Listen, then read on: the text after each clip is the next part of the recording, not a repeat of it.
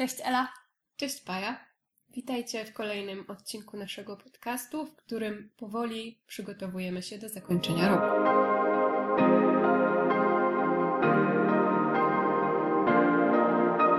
Myślę, że nie wpadłyśmy na nic odkrywczego, chcąc podsumować 2019 rok pod kątem książek, które czytałyśmy, ale wydaje mi się, że to był naprawdę bardzo dobry rok, jak myślisz? Tak, jak przeglądałam e, listę wszystkich książek, które przeczytałam, to było tam parę wpadek, ale większość była dobra i bardzo dobra. Dlatego też e, zadanie, które sobie postawiłyśmy, wybór 10 najlepszych książek tego roku, nie było wcale łatwe. Nie. Jak tobie poszło? No, było ciężko, bo stwierdziłam, okej, okay, dobra, otworzę sobie całą listę tego, co przeczytałam w tym roku i po prostu zacznę po kolei spisywać wszystkie te, które moim zdaniem były y, najlepsze i ustaliłyśmy sobie między sobą, że 10 najlepszych i okazało się, że ile mi wyszło? 17, 18, tak. I potem naprawdę trudno mi było dojść do wnio ostatecznego wniosku, które książki są rzeczywiście te najlepsze, ale wydaje mi się, że udało mi się, a przynajmniej jestem bardzo zadowolona z tego, co wybrałam. Tak, ja też jestem zadowolona. Może jeszcze wspomnę właśnie o tym, e, czego się trzymałyśmy wybierając te książki, bo zadałam Ci pytanie, co to właściwie znaczy najlepsza książka albo książka roku.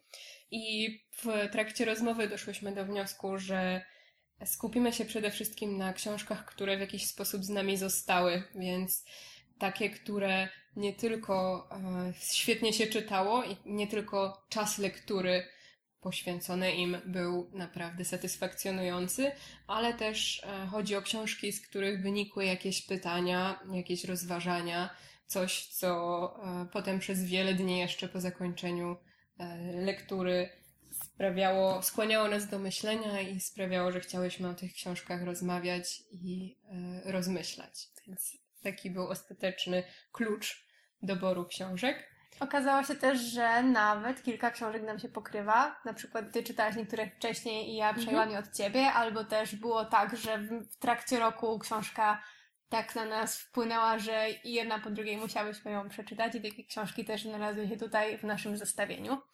I ogólnie tak, to był bardzo dobry rok pod kątem e, emocjonalnych książek, które zostają, zostały w nas na dłużej i zgadzam się, było parę wpadek, może to też by był ciekawy temat na odcinek, jakie książki nas zawiodły. Zawsze dobrze jest sobie ponarzekać.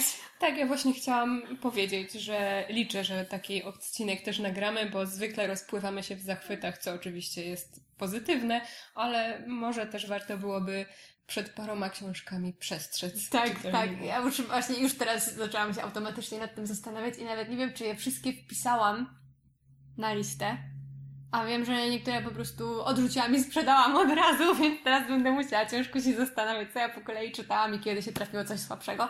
Ale to w przyszłości, bo tak. dzisiaj mamy pierwszą część podsumowania. E, myślę, że skupimy się na pięciu Twoich i pięciu moich Uda książkach.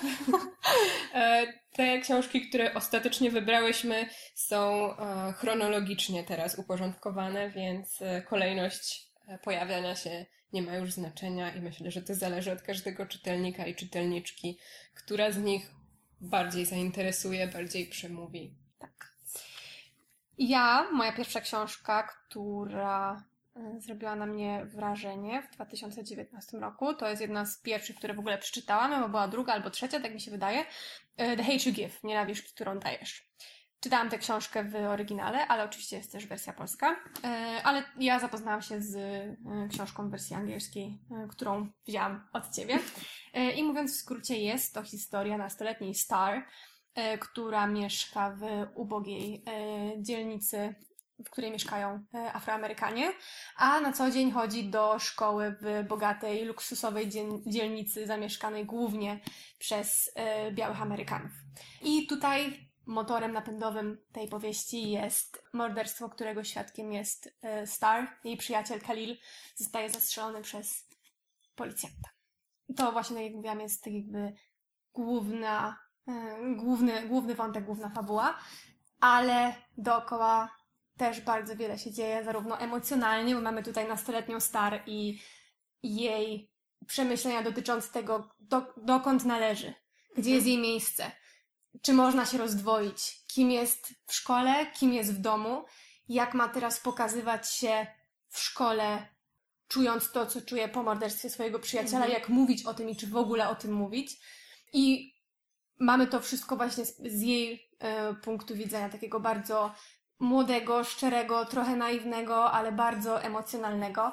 I ta książka bardzo mnie właśnie poruszyła, jeśli chodzi o emocje, ale właśnie dała mi też dużo do myślenia w problemy, z którymi my tutaj w Polsce nie do końca y, mamy do czynienia, a przynajmniej na taką skalę i wiadomo, nie w tym kontekście kulturowym, jak ma to miejsce w Ameryce. Cieszę się, że przeczytałam tę książkę. Bardzo polecam. The You Give, Nienawiść, którą jest również dostępna polska wersja. W takim razie moja pierwsza książka e, też trochę łączy się tematycznie z Twoją, a mianowicie chodzi o Błoto autorstwa Hilary Jordan. E, I to jest ciekawa sprawa z tą książką, bo Ty też ją czytałaś pierwsza i powiedziałaś, że była w porządku. No właśnie, i muszę chyba ją przeczytać jeszcze raz. Nie, nie, zdarza się czasami, że możemy się różnić opinią. Naprawdę? Wbrew pozorom. E, więc e, nie zachwalałaś jej bardzo e, szczególnie, ale i tak postanowiłam po nią sięgnąć i dla mnie właśnie znalazła się od razu na tej liście najlepszych książek tego roku. Jest to historia mm, rodziny, która przenosi się na zrujnowaną farmę na środku pustkowia właściwie. I główna bohaterka musi e, jakoś radzić sobie z przenosinami z miasta na farmę i z różnymi brakami, których doświadcza z samotnością i z, z tym nowym światem, z mężem, który niekoniecznie ją rozumie i niekoniecznie ją wspiera. E, oprócz tego są tutaj jeszcze bohaterowie, bo dzieje się to e, niedługo po II wojnie światowej, więc są tutaj bohaterowie, którzy wracają właśnie z Europy, z frontu. E, Jeden z nich jest e, bratem Henry'ego, czyli męża głównej bohaterki, a jeden z nich jest czarnoskórym żołnierzem, który mieszka w okolicy. I właśnie obaj muszą sobie poradzić z problemami, które wynikają z tego powrotu, czyli z traumą, której doświadczyli e, podczas walk. A jeśli chodzi o Ronsela, e, czarnoskórego bohatera, to tego dramatycznego powrotu do, do rzeczywistości, rasizmu i, i uprzedzeń, e, z którymi musi się zmagać. I co mi się bardzo podobało w tej książce, właśnie różnorodność problemów i, i to, że te problemy były przedstawione moim zdaniem bardzo e, równo, to znaczy jako równie ważne. I mamy tutaj właśnie perspektywę feministyczną, mamy perspektywę e, osoby czarnoskórej, mamy perspektywę osoby straumatyzowanej i wszystkie te e, postaci są e, równie ważne i ich zmagania nie są jakby podzielone i po, e, poukładane, które z nich są ważniejsze, które są mniej ważne, a wszyscy są przedstawieni myślę, że z równą empatią i z równą uwagą. I co jeszcze mi się bardzo podobało, to zakończenie. I myślę, że to zakończenie zdecydowało, że ta książka spodobała mi się aż tak bardzo. Bo nie chcę oczywiście, Oczywiście, zdradzać. wiadomo, skoro zakończenie jest tym najważniejszym Tak. elementem. Powiem tylko, że są takie książki, które się czyta i zbliża się do zakończenia i myślisz sobie, to się może skończyć w dwojako i żaden z tych sposobów nie będzie dobry. A tutaj autorka zrobiła coś, co bardzo mi się podobało i byłam zadowolona i e, było to pomiędzy tymi e, dwoma sposobami, które, które by mnie nie usatysfakcjonowały. Świetnie, dobrze nam idzie. To teraz moja książka numer dwa. Jest to Brakująca połowa dziejów, krótka historia kobiet na ziemiach polskich autorstwa Anny Kowalczyk. Tytuł właściwie mówi sam za siebie. Jest to brakująca połowa dziejów e, naszego, naszego kraju Polski, opowiedziana z perspektywy kobiet, a bardziej uzupełniając e, luki, jakie mają miejsce w naszym postrzeganiu historii, poprzez opowiadanie jej z uwzględnieniem e, kobiet feministycznego punktu widzenia, her story, jakkolwiek byśmy to nazwali, właśnie te elementy tutaj się pojawiają. I e, co bardzo podobało mi się w tej książce, to właśnie element, który bardzo lubię, który dostarcza, który, który mogę e, odnajdywać właśnie w różnego rodzaju reportażach, książkach non-fiction, czyli właśnie różne spojrzenie. Kto pisze daną historię, kto ją opowiada, kto jest w niej obecny i dlaczego. I ta książka bardzo pozwoliła mi syntezować sobie właśnie takie pytania i wyćwiczyła mnie trochę właśnie w zadawaniu ich w kontekście polskiej historii. Więc naprawdę niesamowicie wartościowa pozycja od czasów e, najdawniejszych, więc próba oceny źródeł, w, w odniesieniu do których no nijak nie możemy wiedzieć, jaki tak naprawdę był, jakie tak naprawdę było ich przeznaczenie, kto je zrobił, skąd się wzięły. I tutaj właśnie próba spojrzenia na niemożliwe do ocenienia do pewnego stopnia z kobiecego, feministycznego punktu widzenia. Bardzo mi się to podobało, aż do historii najnowszej, przez oczywiście emancypację, pierwsze studentki na uniwersytetach. Świetna pozycja, wspaniała synteza, bardzo wartościowa książka. Świetna rzecz. Anna Kowalczyk, Brakująca połowa dziejów, książka numer dwa mojego roku czytelniczego 2019. Czy czegokolwiek z tego, e, o czym mówi ta książka, można się dowiedzieć na lekcjach historii w szkole? Czy Nie. raczej? Okej. Krótka odpowiedź. Nie, ja nie pamiętam, e, nie pamiętam em, takich, takiego punktu widzenia, takich pytań, takich spojrzeń. Bardzo niewiele postaci, które były omawiane na historii, e, pojawiają się również w tej e, książce, bo książka sięga ponad to, co oczywiste, czyli ponad Mhm. Marię Skłodowską-Curie Mhm. i ponad te wszystkie takie sztampowe postaci kobiet, o których mówi się, że były wybitne, a tutaj zdecydowanie temat jest pogłębiony Mhm. i no jest to o wiele lepsza lekcja historii mm, właśnie z takiego punktu, kobiecego punktu widzenia, niż jaka kiedykolwiek miała miejsce podczas mojej edukacji. Brzmi zachęcająco. Moja druga książka, którą wybrałam, e, została kupiona właściwie przypadkiem e, i okazała się prawdziwym hitem. A dlaczego ją kupiłaś? Co E, cię skłoniło? Ty mi ją po- pokazałaś i powiedziałaś, to cię zainteresuje. Miałam rację. I miałaś rację. A chodzi o książkę pod tytułem Odnaleźć się e, autorstwa szwedzkiej pisarki Agnes Lidbeck. E, Jest to krótka książka, więc e, to jest taka bardzo skondensowana lektura, bo na przestrzeni no, 200 stron jesteśmy w stanie prześledzić bardzo spory okres w życiu głównej bohaterki, a mianowicie mniej więcej od momentu, kiedy zostaje matką, do momentu, kiedy musi zajmować się chorym e, kochankiem. I właśnie ta książka opowiada o życiu kobiety, w której, e, której rolą jest opiekowanie się innymi i która e, ma wprawdzie inne zajęcia i ma pracę zawodową i ma niby jakieś inne swoje obowiązki, marzenia i cele, ale właśnie przez całą tę lekturę dowiadujemy się, że właściwie całe jej życie jest podporządkowane innym osobom i tym, którym, e, którymi ona musi się zajmować i którzy od niej wymagają opieki, wymagają jej uwagi, wymagają Jej czasu, jej, Jej czasu. energii. tak, dokładnie. Jest to bardzo przenikliwie napisana książka, bardzo szczera, e, bardzo szczerze mówiąca o trudnych odczuciach, trudnych problemach i pytaniach, z którymi zmaga się ta kobieta.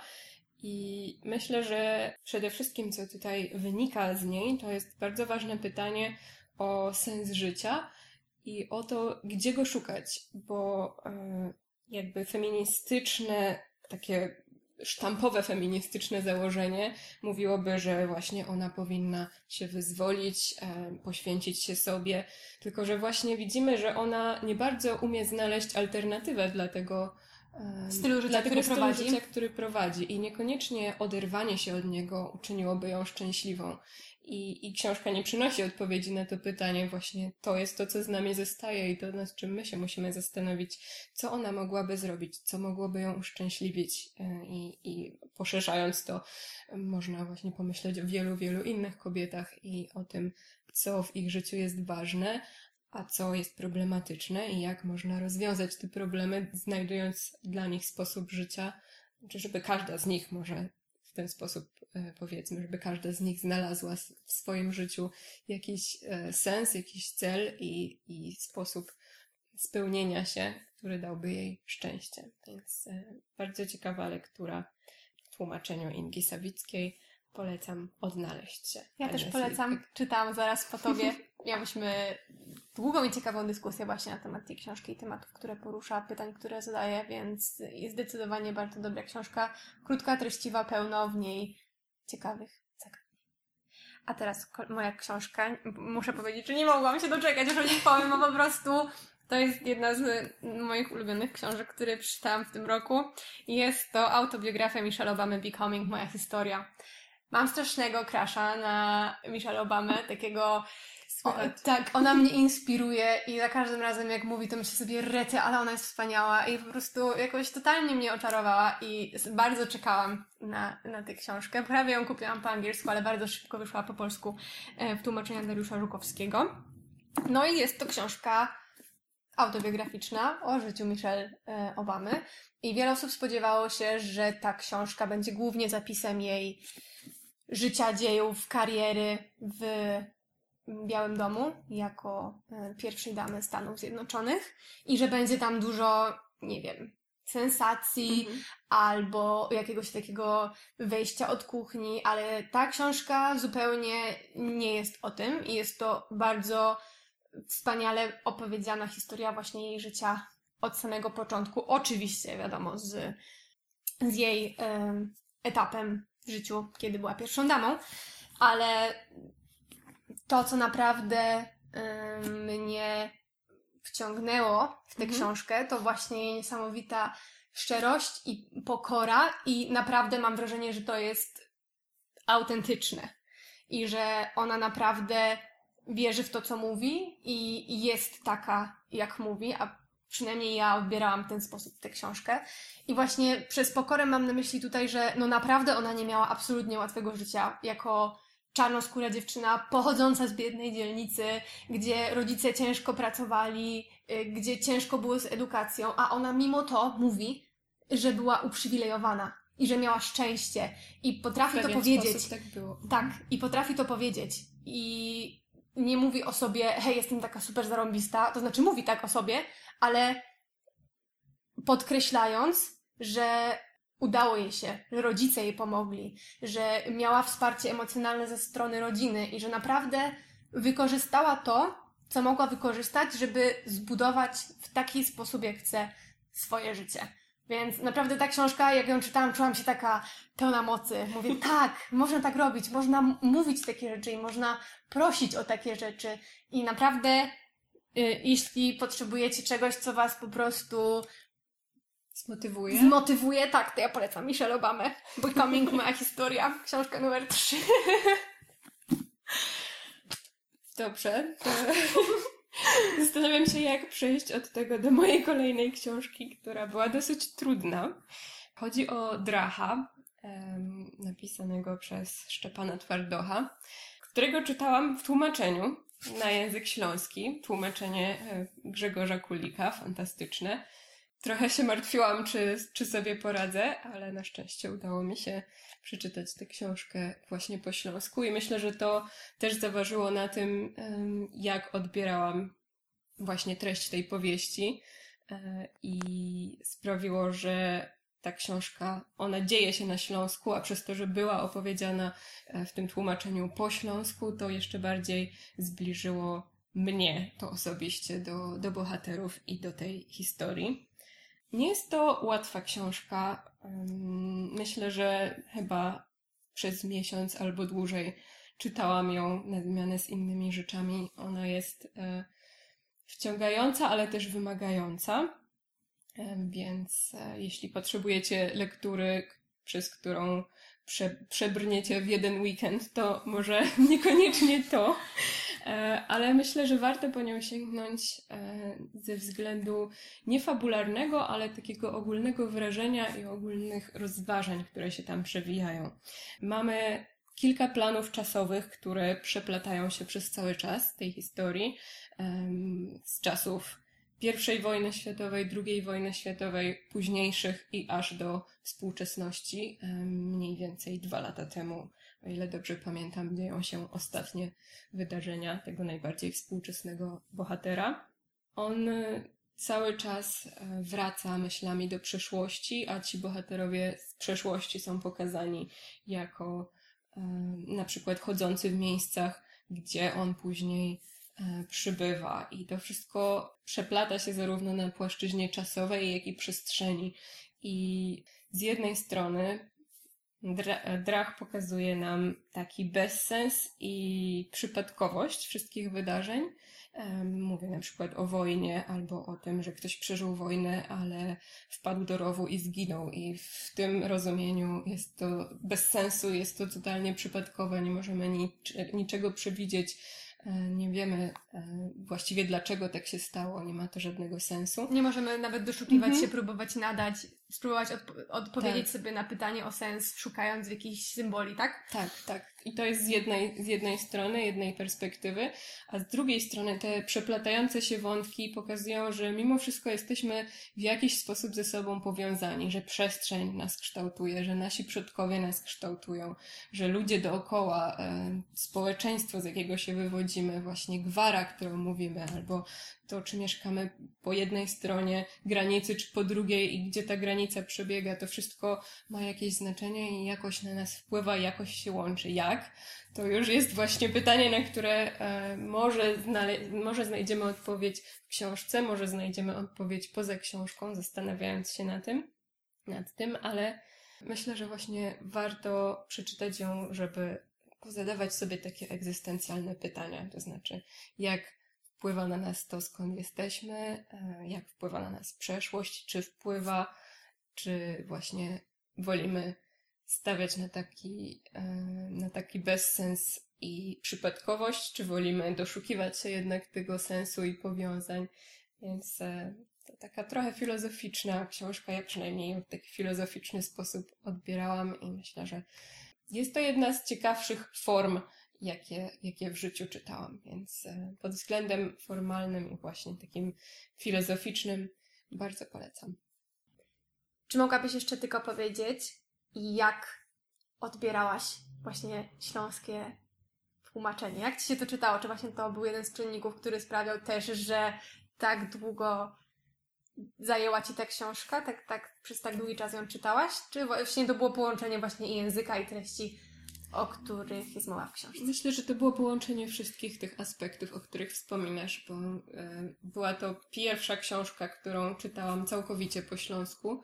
E, zdarzały się takie, które na przykład e, miały dialogi zapisane gwarą, ale nigdy narracja nie była zapisana po śląsku.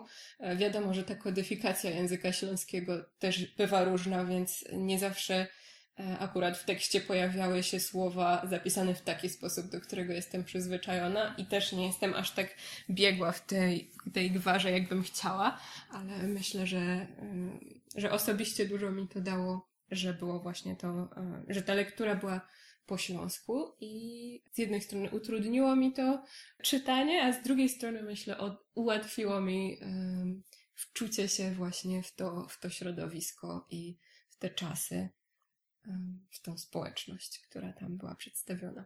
Super. Niesamowicie. Niesamowita książka. U mnie poranek książki numer 4, tak? To już mówię, numer 4. Jest to książka Anjali Rauf, e, chłopiec z ostatniej ławki. W Twoim tłumaczeniu. Niespodzianka. Niespodzianka. E, Też ją czytałam. Naprawdę? I ta książka również trafiła e, do mojego top 10 2019 właśnie ze względów emocjonalnych. Naprawdę strasznie płakałam przy tej książce. Bardzo się cieszę, że ostatnio trochę więcej mówi się o tej pozycji. Pojawił się jakiś czas temu maraton z literaturą dziecięcą mm -hmm. na Instagramie i widziałam, że parę dziewczyn z Instagrama czytało i polecało tę książkę, więc bardzo się cieszę, bo uważam, że to naprawdę wartościowa, piękna książka opowiadająca o ważnych tematach, z którymi nie potrafimy sobie poradzić, myślę, ogólnie w dyskursie publicznym w naszym kraju na skalę międzynarodową, a mianowicie o konflikcie, o uchodźcach, o wojnie, o konieczności porzucenia swojego domu. I tutaj właśnie mamy wszystkie te pytania opowiedziane z perspektywy dzieciaków, dziewięciolatków, którzy zapoznają się z nowo przybyłym do ich szkoły kolegą uchodźcą Ahmetem. I tutaj to spotkanie jest przyczyną kiedy zaczynamy zadawać sobie wszystkie te pytania, kiedy bohaterowie zaczynają sobie zadawać te pytania, kiedy my zaczynamy się zastanawiać nad tym, jak o tym myślimy i czy jesteśmy tak otwarci, jak bohaterowie w tej książce, czy jesteśmy tak chętni, by zrozumieć to, co inne, tych, którzy są inni. Z tego względu uważam, że ta książka jest naprawdę bardzo trafiającym do serca przesłaniem, który pozwala nam łagodniej spojrzeć na samych siebie i spróbować przyznać samymi przed sobą, że okej, okay, nie wiemy, jak o tym mówić, nie wiemy, jak na to patrzeć, ale możemy się postarać i może to nie jest takie trudne, skoro każdy może spróbować zmienić swoje podejście, chcieć pomóc, zaangażować się. Naprawdę bardzo polecam. Bardzo piękna książka. Dziękuję, że ją przetłumaczyłaś. Cieszę się, że Ci się podobała, bo to jest też jedna z moich ulubionych tłumaczonych przeze mnie książek, więc cieszę się zawsze, kiedy ją widzę e, na Instagramie i w innych miejscach polecaną. Tak. Właśnie. I e, powiedz mi, bo ja mogę powiedzieć z perspektywy tłumaczki, ale to jednak trochę inaczej, e, bo mówisz, że dużo płakałaś, że się wzruszałaś i że to była bardzo poruszająca książka, ale czy kiedy ją czytałaś, to była też zabawna i śmiałaś tak, się? Tak, tak. Emocje za każdym razem, jak się pojawiały, były w takiej maksymalnej dawce. Tak, gdy, gdy działo się coś, co właśnie miało wywołać uśmiech na mojej twarzy, to autentycznie czułam tę radość całą sobą, a gdy sytuacja była naprawdę dramatyczna, co oczywiście ma miejsce w tej książce, bo to jest jednak yy, tło jest bardzo smutne i przygnębiające, no to naprawdę wtedy to to czułam. Bardzo fajnie pisała też o tej książce y, Alina, nasza mhm. koleżanka, też instagramowa, t-books lover. Y, jest nawet wywiad z Tobą, którego udzieliłaś y, u Aliny, więc zapraszamy, może podlinkujemy, żeby każdy mógł przeczytać, jakby coś chciał na ten temat wiedzieć. Dobrze, to teraz porozmawiajmy o książce, której jeszcze nikt z tego, co mi wiadomo, nie przetłumaczył, a szkoda. E, a chodzi o książkę Sally Magnusson, The Seal Woman's Gift. E, była to jedna z najlepszych powieści tego roku, które przeczytałam. E, jest to oparta na faktach historia Islandczyków, islandzkiej wioski jej mieszkańców, którzy w 1627 roku zostali porwani przez piratów i sprzedani w niewolę do Imperium Osmańskiego. Głównym bohaterem właściwie w historycznych um, dokumentach i sprawozdaniach, głównym bohaterem jest pastor z tej wioski. Natomiast e, w powieści główną bohaterką zostaje jego żona, wymieniona kilkakrotnie z imienia w, właśnie w historycznych dokumentach. I to z jej punktu widzenia poznajemy całą tę historię i dowiadujemy się nie tylko co spotkało bohaterów, ale też jak oni sobie z tym radzili. I e, jeśli chodzi o tę książkę, to przede wszystkim psychologia postaci i taka psychologia społeczna, społeczności, społeczeństwa jest naprawdę niesamowita i ta autorka pisze bardzo wnikliwie, bardzo szczerze, z ogromnym uczuciem o bardzo trudnych sprawach i pisze o relacjach międzyludzkich, o tym, E, jak one się zmieniają z czasem, że, że czasami e, jedną rzeczą jest to, co myślimy i czego byśmy chcieli, a inną rzeczą to, co w rzeczywistości czujemy i czasem nie potrafimy rozwiązać tego konfliktu, albo bardzo dużo czasu zajmuje nam rozwiązanie tego konfliktu, że czasami czegoś bardzo mocno pragniemy, a kiedy to się spełnia, to nie przynosi nam to takiej satysfakcji i takiego szczęścia, jakbyśmy się spodziewali. I właśnie o tym rozczarowaniu i o tym, czy ono trwa, czy da się je pokonać i jak z nim walczyć. E, naprawdę bardzo, bardzo piękny kobiecy głos, bardzo autentyczny. Nie jest to sztampowa, silna kobieta, jak to czasami jest określane. To jest kobieta z krwi i kości, czasem silna, czasem słaba, e, czasem kierująca się rozsądkiem, czasem emocjami, czasem e, na skraju załamania, a czasem walcząca o siebie w każdy możliwy sposób. Jednym słowem, jest to bardzo złożona, skomplikowana postać, e, z którą naprawdę myślę, że każdy czytelnik i czytelniczka jest w stanie się zidentyfikować i zrozumieć e, czasami bardzo trudne sytuacje, w których, w których ona się znajduje. Możemy też poznać innych bohaterów, bardzo różnorodnych, którzy e, również podejmują wszelakie wysiłki, żeby jakoś się odnaleźć w tej nowej sytuacji, w nowym świecie i pokazuje to, jak różnie ludzie reagują, jak różnie sobie radzą. Super. Wiem, że teraz zaczęłaś właśnie czytać biograficzną, y, autobiograficzną, poniekąd, poniekąd, poniekąd książkę. biograficzną książkę tej autorki, tak? Sally Magnusson napisała książkę o swojej matce, która przez 10 lat cierpiała na demencję, a Sally i jej rodzeństwo musiało się nią opiekować, więc jest to o, o chorobie matki i o tym, jak ta choroba zmieniła również jej życie, jak wpłynęła na jej życie i także o systemie opieki zdrowotnej. e, i o tym, jak sobie radzi albo nie radzi e, z, z takim rosnącym problemem, jakim, jakim jest demencja i osoby z demencją, którym, którymi trzeba się zajmować. Ale tak jak mówisz, dopiero zaczęłam dzisiaj tak, rano. Ale chodziło mi właśnie o to, że ta książka stała się być może źródłem nowej ulubionej pisarki.